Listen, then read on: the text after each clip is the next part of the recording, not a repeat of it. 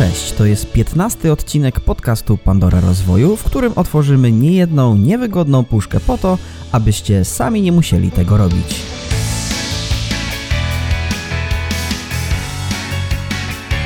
Dzisiaj porozmawiamy o tym, dlaczego warto stawiać sobie granice w związku i biznesie, dlaczego Dawid nie flirtuje z uczestniczkami szkoleń oraz kto jest nieetycznym trenerem w Polsce.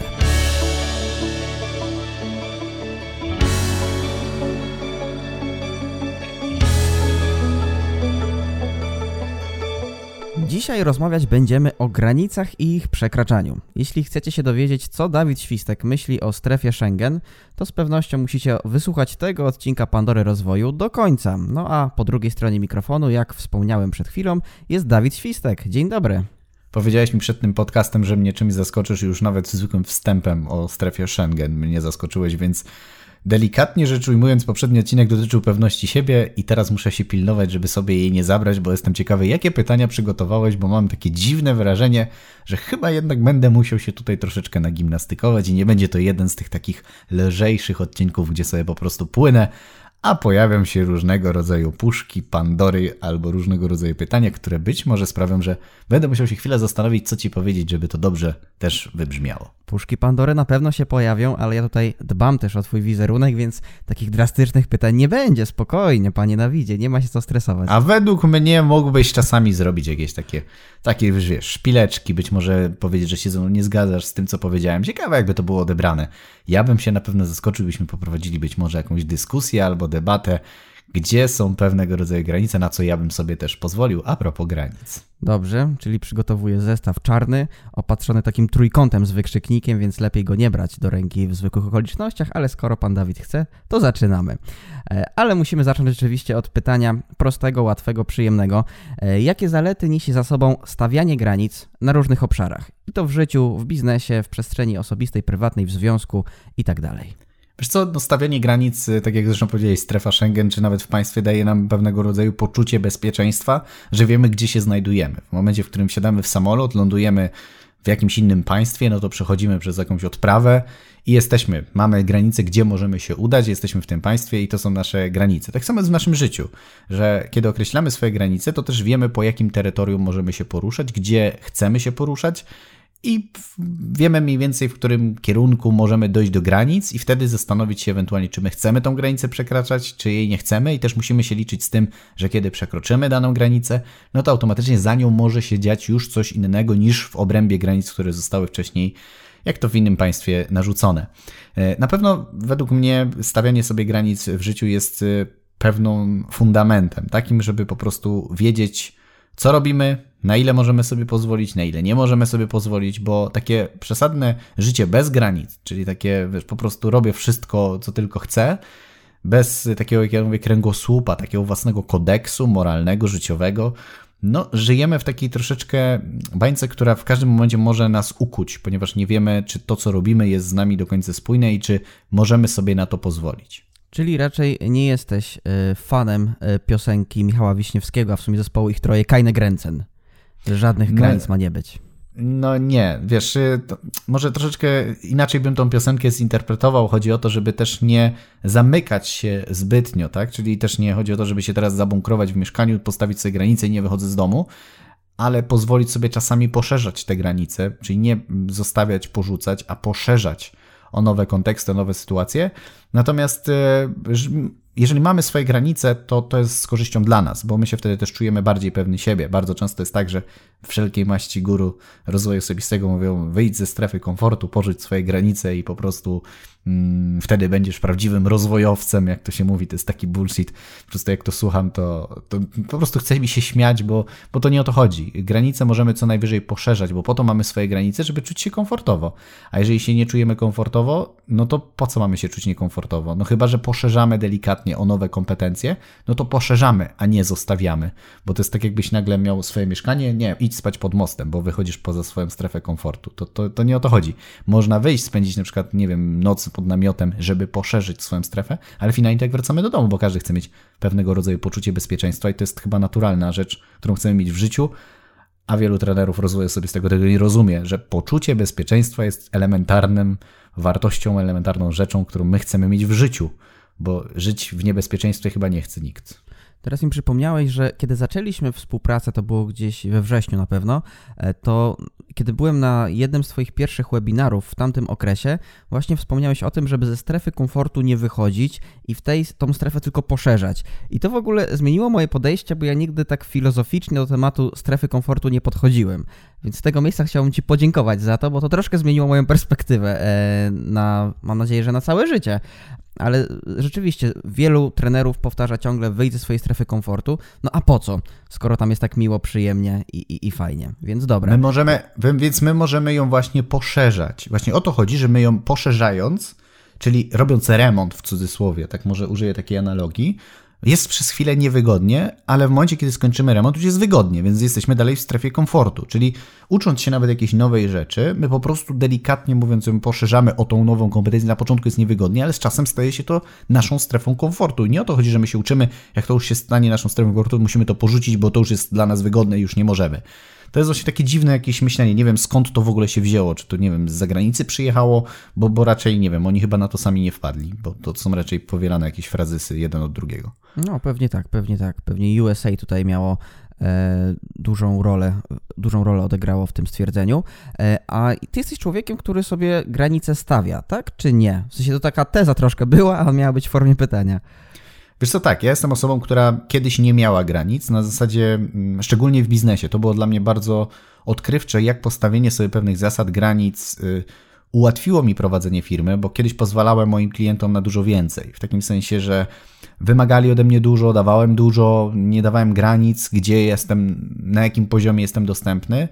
I niestety, ale obróciło się to przeciwko mnie. Bardzo często byłem wykorzystywany, a kiedy już nie chciałem się zgodzić, bo po prostu brakowało mi siły, energii, czasu, a też nie generowało to jakby pieniędzy w, w mojej firmie, no prowadzimy biznes po to też, żeby on był rentowny, to te osoby zaczęły mnie, wiesz, obrażać, atakować i tak dalej, więc, więc to zrozumiałem, że to, to, to nie o to chodzi. Według mnie każdy z nas powinien mieć właśnie w swoim życiu granice, czy to dotyczące sfery prywatnej, e, czyli o czym nie chcemy mówić, czy też w związku, na jakie rzeczy godzić się nie będziemy, bo mamy do tego pełne prawo, bo mamy swoje jakieś potrzeby i one muszą być zaspokojone. Tak samo w życiu tym biznesowym. W momencie, kiedy sprzedajesz jakiemuś klientowi i klient chce wkroczyć bardziej, wingerować w to, jak pracujesz albo jaką cenę mu oferujesz i jest to stron niespójne i masz zasady, masz granice, że poniżej jakiejś kwoty nie jesteś w stanie zrobić pewnej usługi, to mówisz po prostu nie, bo to tak wynika z Excela i już.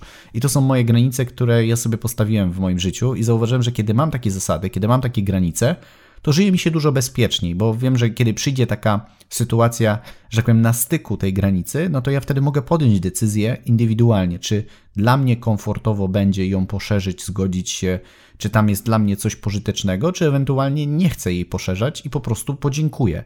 I bardzo często jest tak, że w różnych sytuacjach po prostu mówię nie, bo nie jest to ze mną spójne, są pewne granice, których przekraczać nigdy nie będę i uważam, że to też może mieć bardzo duży wpływ na poczucie własnej wartości i też pewność siebie, o której mówiliśmy właśnie w poprzednim odcinku Pandory Rozwoju. Czy ten komfort y, wynikający z posiadania granic sprawia, że jesteśmy bardziej asertywni? Według mnie zdecydowanie tak, no bo popatrz, y, bardzo często miałem problem z oferowaniem produktów z jakąś stawką. Kiedyś słyszałem takie zdanie, że warto mówić, że tak wychodzi z Excela. I z tym się podobnie nie negocjuje, więc, więc ktoś mówi, dlaczego taka stawka? Ja mówię, no wpisałem te parametry, które mi powiedziałeś, tak mi Excel pokazał. Czyli są jakieś reguły, są jakieś zasady, granice, które wyznacza ten program i poza nie nie można wyjść. Oczywiście gdzieś tam można negocjować, natomiast to jest taki bardzo mocny argument. Natomiast jeżeli ma się jakiś swój kodeks, czyli spisałeś sobie listę rzeczy, na które się nigdy w życiu nie zgodzisz w biznesie, na co sobie nie pozwolisz w związku czy, czy w różnych innych obszarach, no to automatycznie, y, jeżeli ktoś ci prosi, żebyś zrobił coś wbrew temu, co ty sobie spisałeś, może powiedzieć nie, nie jest to zgodne z moimi zasadami, które y, są w mojej firmie albo w moim życiu. I według mnie taka asertywność jest spójna z tobą i ona nie uderza w drugą osobę, no bo ciężko, żeby druga osoba powiedziała, wiesz co, to zrób coś, co jest dla ciebie niewygodne, krzywdzące, albo będziesz się czuł z tym źle, bo ja tak chcę no wtedy mamy dużą łatwość powiedzenia sobie, jeżeli to jest spisane, bo jeżeli nie mamy tego spisanego, nie jest to uświadomione i nagle ktoś nam zadaje to pytanie, to tak jest tak, próbujemy wybrnąć niby wtedy nie jesteśmy asertywni. Ale kiedy to jest spisane, kiedy są zasady w biznesie, kiedy są procedury, kiedy są określone rzeczy przez ciebie świadomie nakreślone, no to dużo łatwiej jest w tej sytuacji, kiedy to zostaje naruszone przez jakąś osobę bądź jakąś sytuację, żeby asertywnie po prostu z tego się wycofać, powiedzieć nie, ja się z tym nie zgadzam, mam to spisane, a jeżeli nie wiesz, jak masz się zachować, to zawsze możesz do tego wrócić, sobie to przeczytać co sobie spisałeś, wtedy mówisz, nie, to się, to się nie wpisuje w mój kodeks, w moje zasady. Pamiętaj, no rycerze też mieli kodeksy różne etyczne, moralne e, i to jest już taki koncept znany bardzo dużo, zresztą będąc osobą religijną bądź nie, też jest jakieś 10 przekazań, według których powinniśmy postępować i kiedy są jakieś takie zasady nakreślone w firmie, w korporacjach, jakieś procedury, to dużo łatwiej się funkcjonuje. No teraz w czasach nawet covidowych, kiedy jest jakaś procedura dbania o higienę, no to też dużo bezpieczniej się czujemy, kiedy tego by nie było i mogłoby się dziać, co by się działo, tak? Powiedzmy, no, nieważne, co sądzimy na temat jakiejkolwiek choroby, tak samo w przypadku operacji na stole też są zrobione procedury, zasady, co trzeba robić w różnych sytuacjach. Więc według mnie stawianie sobie zasad, granic e, w różnych obszarach naszego życia powoduje naprawdę taki spokój, bezpieczeństwo, a przede wszystkim wzmacnia jak najbardziej naszą asertywność. E, natomiast w moim odczuciu tu się delikatnie nie zgodzę, bo e, w moim odczuciu jest tak, że niektórzy mają te granice, ale one nie zapewniają nam asertywności, bo te granice są łamane pod wpływem na przykład innych osób. Czyli to nie były dobrze wyznaczone granice w takim razie.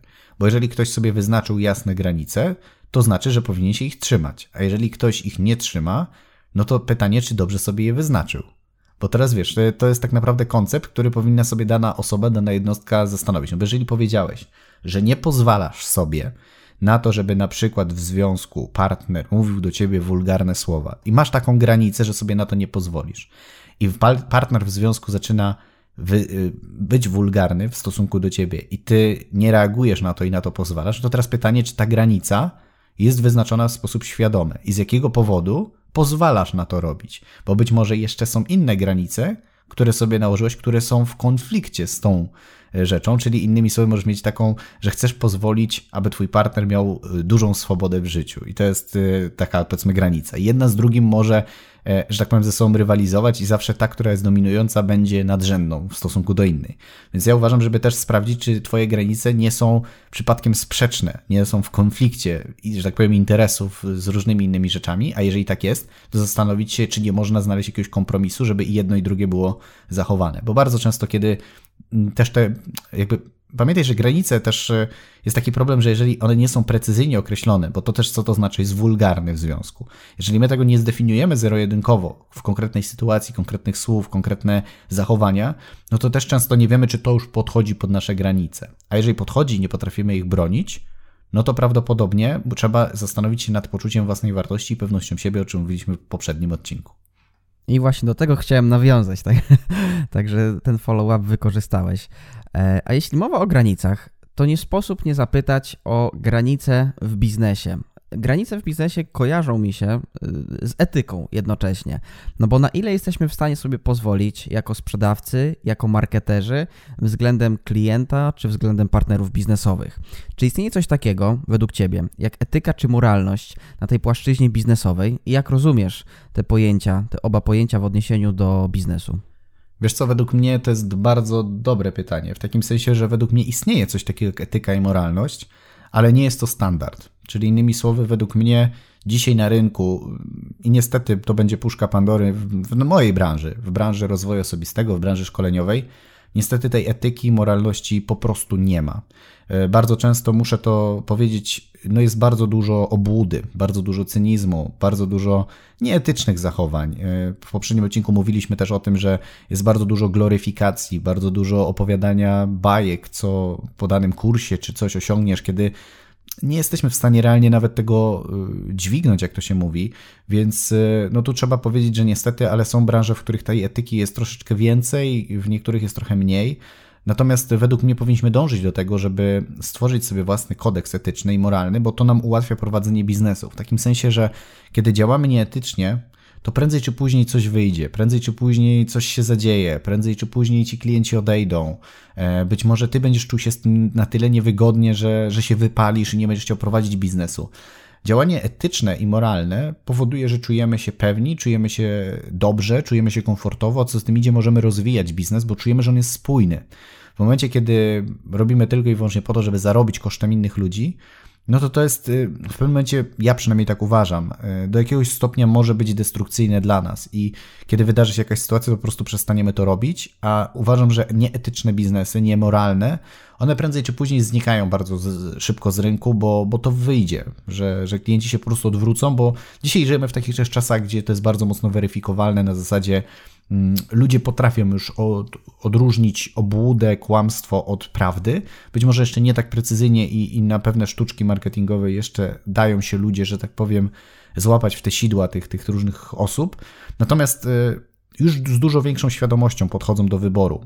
Y, ja, się, ja sobie bardzo cenię swoją markę właśnie za to, że zawsze mówię jak jest. Nawet kosztem tego, jeżeli miałbym tego klienta stracić, to wolę powiedzieć prawdę, aniżeli kombinować i, i robić nie wiadomo cuda na kiju. Dla mnie to jest bardzo kluczowe i być może dlatego jeszcze nie ma miliona fanów, ale, ale uważam, że mam za to klientów, którzy mi ufają, którzy są wierni, którzy wiem, że w trudnych sytuacjach i w momentach, kiedy ich potrzebuję, pójdą ze mną w ogień.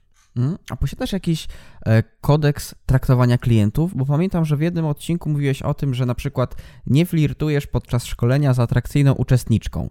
Czy masz więcej takich zasad, albo masz jakieś zasady, które w dzisiejszych realiach, w czasach covidowych e, się sprawdzają na przestrzeni wirtualnej? No to tak, na pewno nie flirtuję, co nie znaczy flirtuję, podrywam, ale często flirtuję sprzedażowo.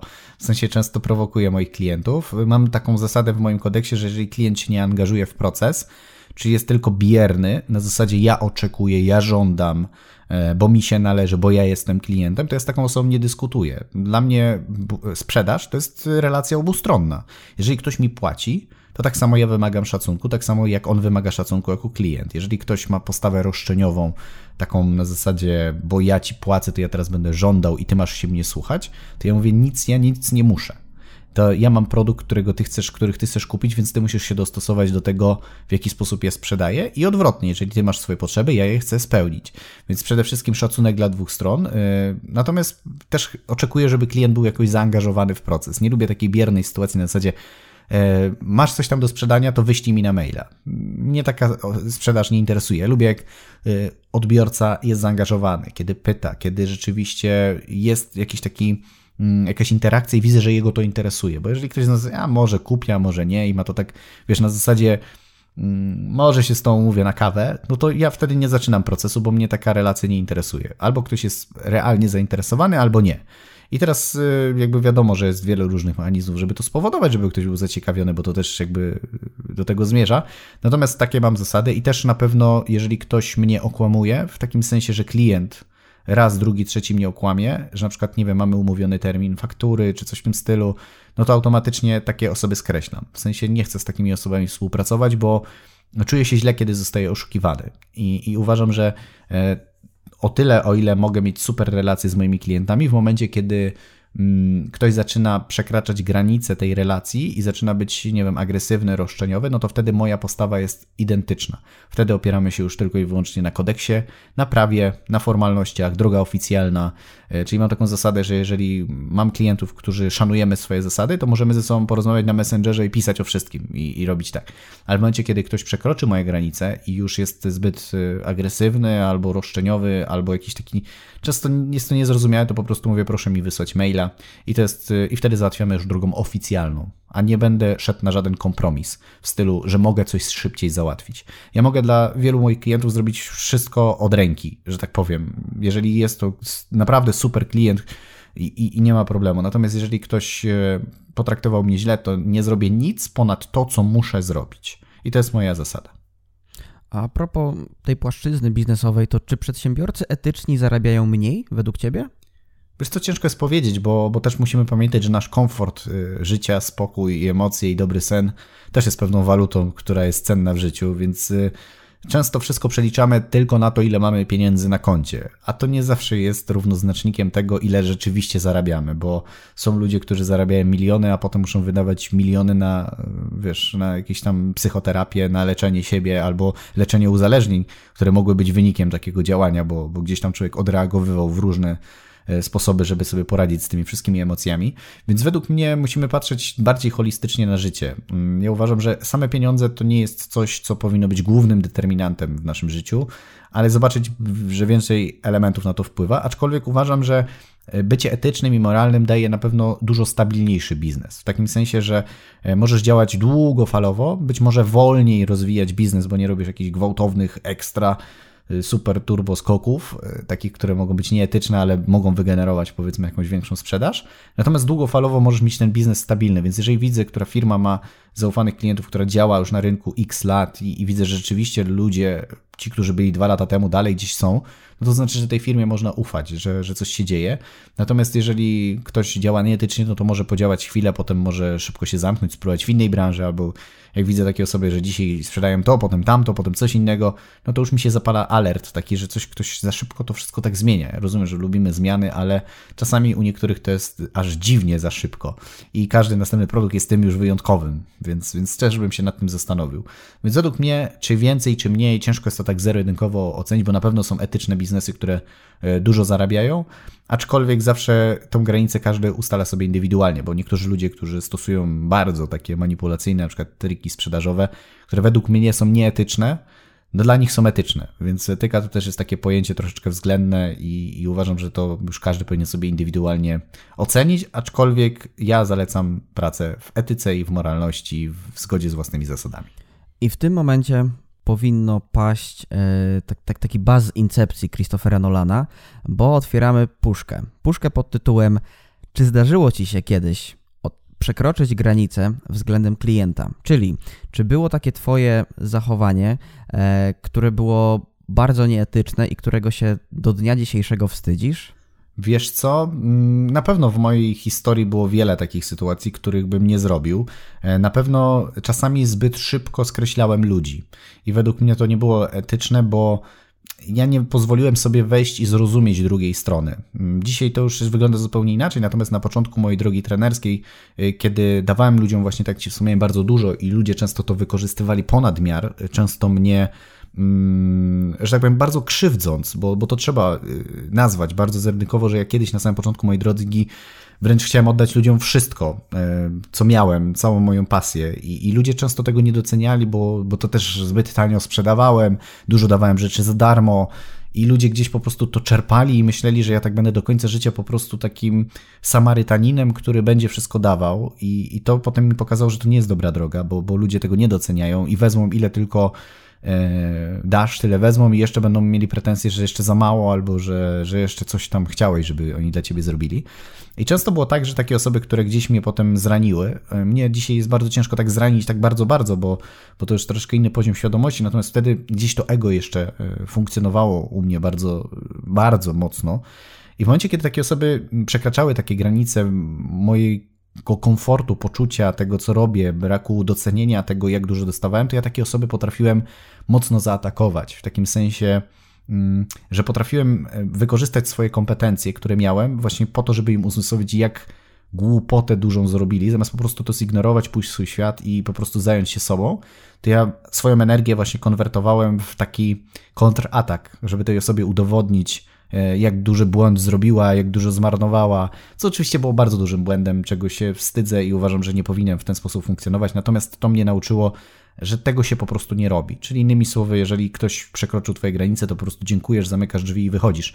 I nie ma sensu marnować dla tej osoby więcej czasu, i to jest pełne prawo, które my możemy zrobić. I wtedy, jeżeli miałbym powiedzieć o jakiejś sytuacji, no to to były takie sytuacje, których bym na pewno nie zrobił, bo wiem, że to wywołało jeszcze więcej agresji, jeszcze więcej nieporozumień, i potem to trzeba było bardzo długo prostować, i, i uważam, że to, to było bardzo złe, co zrobiłem, aczkolwiek mm, no dzisiaj już zupełnie to inaczej wygląda z mojej perspektywy.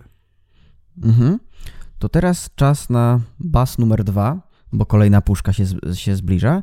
Kto Twoim zdaniem jest najmniej etycznym trenerem w Polsce? Ojej, rzeczywiście będę musiał się teraz nagimnastykować. Mm, a mogę wymienić jednego, czy, czy mogę wymienić paru? Nie, no możesz jednego, możesz paru, jak chcesz. Znaczy, wiesz co, y, wydaje mi się, że nie jestem osobą uprawnioną, ani osobą mm, taką, która powinna tutaj strzelać nazwiskami, bo, bo byłoby to w pewnym sensie oskarżenie, które, jak wiesz, sprawa mm, może być ścigane o zniesławieniu albo o pomówieniu bo bycie nieetycznym no to może wpływać na wizerunek, a wizerunek trenera jednak ma wpływ, więc mówienie czegoś publicznie bez jakichś takich rzeczowych argumentów, a jak wspomnieliśmy wcześniej, etyka to jest coś, czego nie da się jednostkowo jakby zmierzyć, tak wiesz, bo dla kogoś powiesz, że to jest etyczne, dla kogoś nie. Natomiast na pewno jest kilku trenerów, którzy według mnie przekroczyli już tą granicę etyki, czyli takiej nawet nie etyki własnej, którą my sobie wyznaczamy, tylko w ogóle takiej etyki względem szacunku. Bardzo często są osoby, które są po prostu aroganckie względem swoich klientów, są, zwracają się, są bardzo nieuprzejme, przekonane są o swojej, że tak powiem, w cudzysłowie zajebistości i często mm, widząc osobę gorszą, taką osobę od razu dyskredytują, od razu ją obrażają, bo trzeba nazwać to bardzo personalnie, ale są też takie grupy trenerów, którzy po prostu na swojej, że tak powiem, na swoich live'ach opowiadają ludziom rzeczy, że są w stanie w ciągu, nie wiem, chwili zmienić im całe życie i po prostu sprawić, że będą nagle mieli milion na koncie.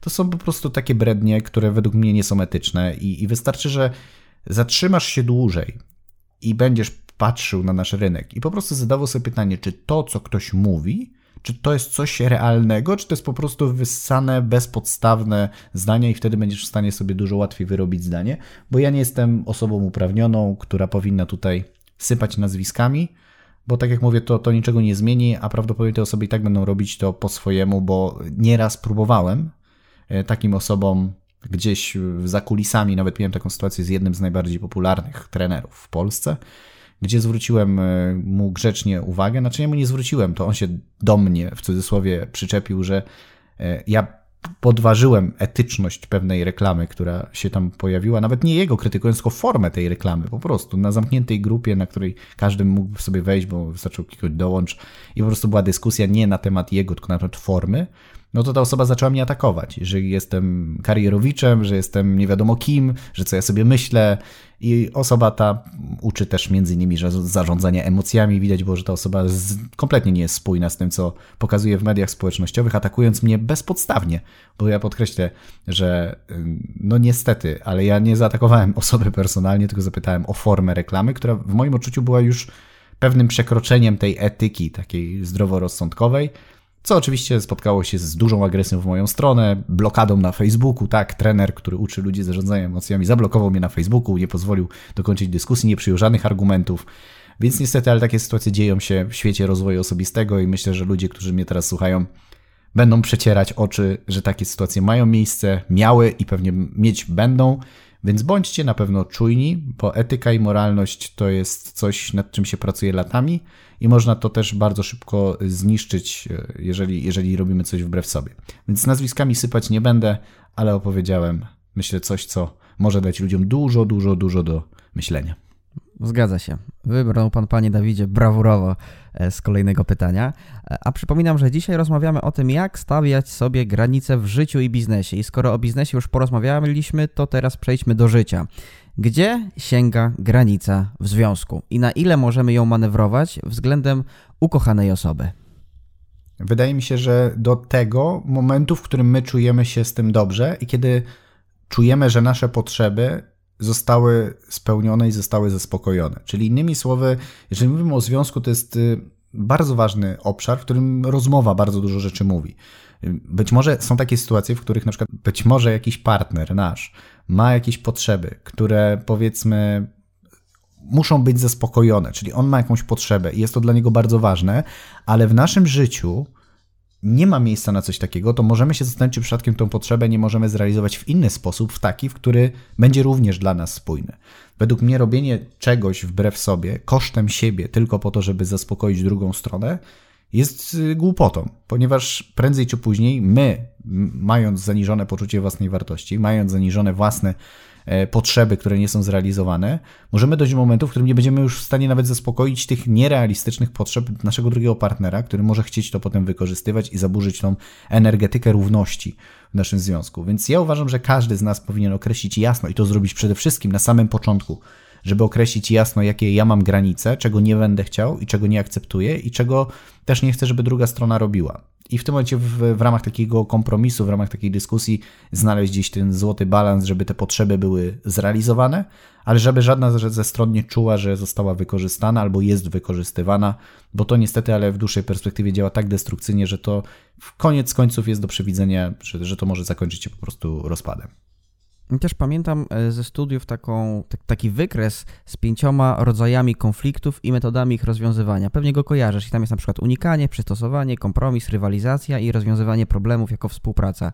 No i wspomniałeś tutaj o kompromisie.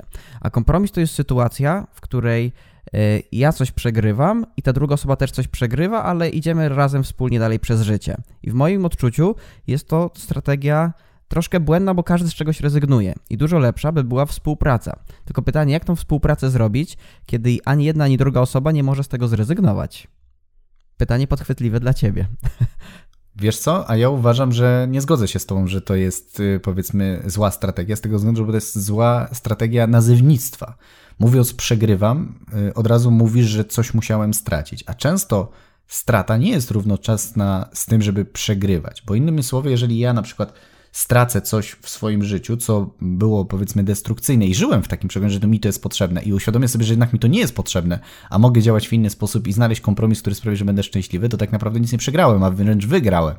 To jest według mnie kwestia nazewnictwa i tego, jak podchodzimy do, do pewnych tematów, bo jeżeli mamy związek, no to wiadomo, że jak jest y, mężczyzna i kobieta, no to to są y, dwie różne energie, dwa różne życia, które próbują stworzyć jedno. Siłą rzeczy, tak jakbyśmy wzięli dwie różne ciecze, które chcą się połączyć i jeżeli ta gęstość nie pozwoli na to, żebyśmy mogli się połączyć, no to ciężko mówiąc y, kolokwialnie, żeby to robić na siłę. Więc e, czasami jest tak, że jednak e, jeżeli połączysz dwie ciecze różnego koloru, ale one chcą się połączyć, to powstanie nowy kolor i być może ten nowy kolor będzie czymś fajniejszym i obie strony będą czuły się z tym fajnie. E, więc, więc kompromis to nie jest sztuka przegrywania, żeby coś wygrać, tylko według mnie uświadomienia sobie i weryfikacji. O, według mnie to jest dobre słowo. Weryfikacji, czy to, co dzisiaj mam, w danym momencie, biorąc pod uwagę sytuację, że jednak funkcjonuje też z, z drugim człowiekiem, czy to jest dla mnie potrzebne. Czyli innymi słowy, jeżeli na, mówi się, że nie wiem, mężczyźni mając związek, bo, znaczy nie mając związku, spotykają się na przykład z kolegami, w trakcie, kiedy zaczynają się spotykać z kobietą, i wtedy nie mają tyle czasu dla swoich kolegów, to koledzy mówią, o, został pantoflem, czy coś w tym stylu, bo nie ma dla nas czasu. I teraz pytanie, czy to jest e, przegranie, bo straciłem kolegów? Być może ktoś w sposób świadomy zredefiniował potrzeby swojego życia, bo to też jest bardzo piękne zdanie. Zredefiniowałem potrzeby w moim życiu, w taki sposób, który jest dla mnie dzisiaj najbardziej korzystny.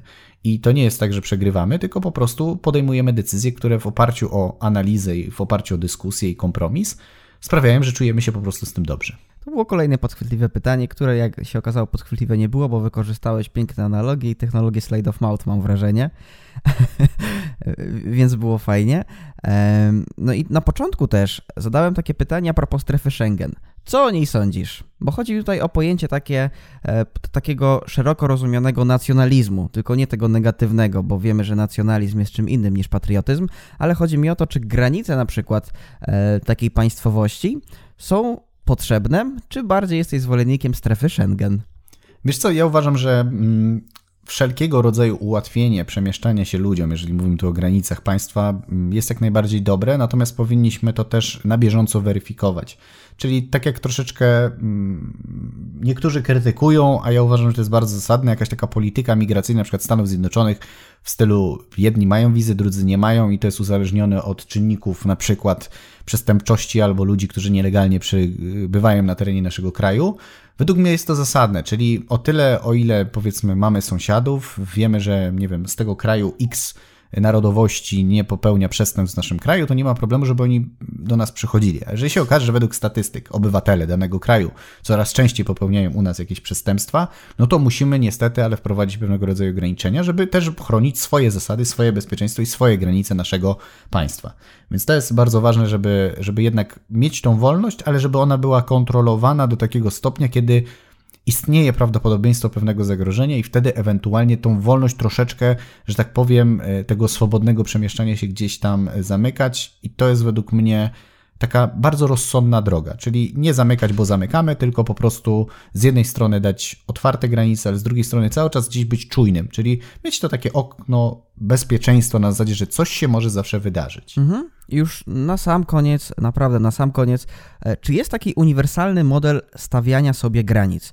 Czyli czy są na przykład jakieś takie zestaw 3, 4, 5 albo 10 pytań, dzięki którym jesteśmy w stanie określić, jakie granice możemy postawić na konkretnych płaszczyznach? Wiesz co, no tak jak nie wiem, mamy negocjacje w sprzedaży, no to mamy, nie wiem, produkt, który jest warty 5000 zł, my możemy sobie określić, jaka jest górna stawka, ile my byśmy chcieli, ile jest dla nas dobrze, a ile poniżej jakiej kwoty na pewno nie zejdziemy. Czyli takie ustalenie sobie minimalnego i maksymalnego progu, tak samo w życiu. Jeżeli na przykład, nie wiem, mamy partnera i jesteśmy w stanie zrozumieć, że komuś się może noga powinąć i raz nas może okłamać, no to możemy sobie określić, że jeżeli ktoś nas raz okłamie, to wybaczymy, damy szansę, powiemy, że tak nie chcemy i za drugim razem wtedy na przykład odejdziemy.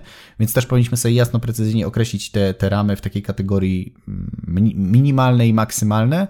E, natomiast no nie ma jakichś takich, wiesz, konkretnych zasad. E, uważam, że powinniśmy po prostu zadać sobie pytanie, gdzie jestem, e, co jest dla mnie dzisiaj ważne, które wartości w moim życiu są cenne i których pomimo wszelkich możliwych zmian nie chcę naruszyć będę według nich e, konsekwentnie żył, bo, bo jest to dla mnie coś takiego rdzennego, coś, co definiuje moją tożsamość. E, co, zadawać sobie często pytanie, czy moje potrzeby są dzisiaj spełnione, bo wraz z rozwojem, wraz ze zmianą różnych rzeczy w naszym życiu, te nasze potrzeby też ulegają zmianie, więc warto sobie zadać pytanie, czy one są spełnione, a jeżeli nie, to i w jaki sposób mogę je spełnić, ale też zadać sobie pytanie, czy spełnienie tych potrzeb nie będzie kosztem moich jakby wartości, czyli czy nie robię, nie zrobię, realizując jakąś potrzebę wbrew siebie i dopasować taki sposób realizacji, żeby on był jednak spójny ze mną i żeby nie czuć się z tym niekomfortowo. Więc przede wszystkim słuchać siebie i pozwalać sobie poznawać siebie coraz bardziej, bo to też ułatwia stawianie sobie granic i nie bania się przede wszystkim stawiania sobie granic i zobaczenia, czy postawione granice są z tą spójne. Czyli jeżeli już coś sobie założyłeś, zrób, sprawdź. Jeżeli poczujesz, że jednak nie, to możesz sobie ewentualnie zmienić tak, żeby to było z tobą dobre i nie pozwól, żeby te granice ktoś tobie narzucił, czyli żeby tobie powiedział, że ty czegoś nie możesz, bo on tak chce.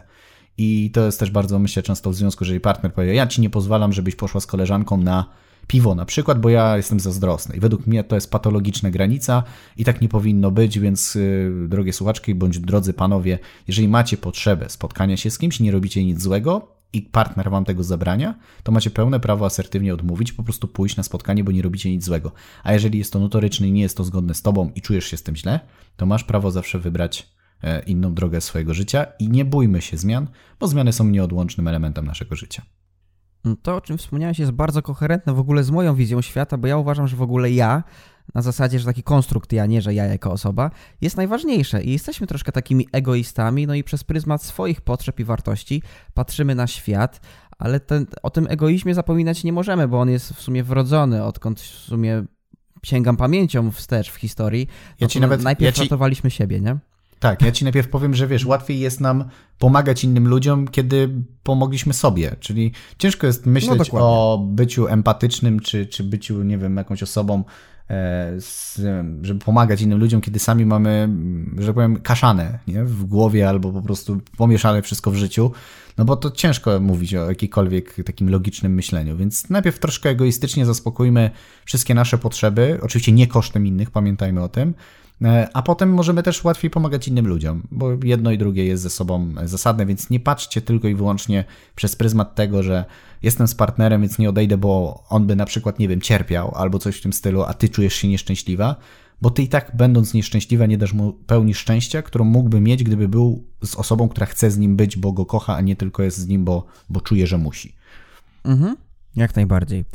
E, to był 15 odcinek w którym przesunęliśmy kilka granic, kilka puszek oczywiście się otworzyło, jak to w każdym odcinku Pandory Rozwoju.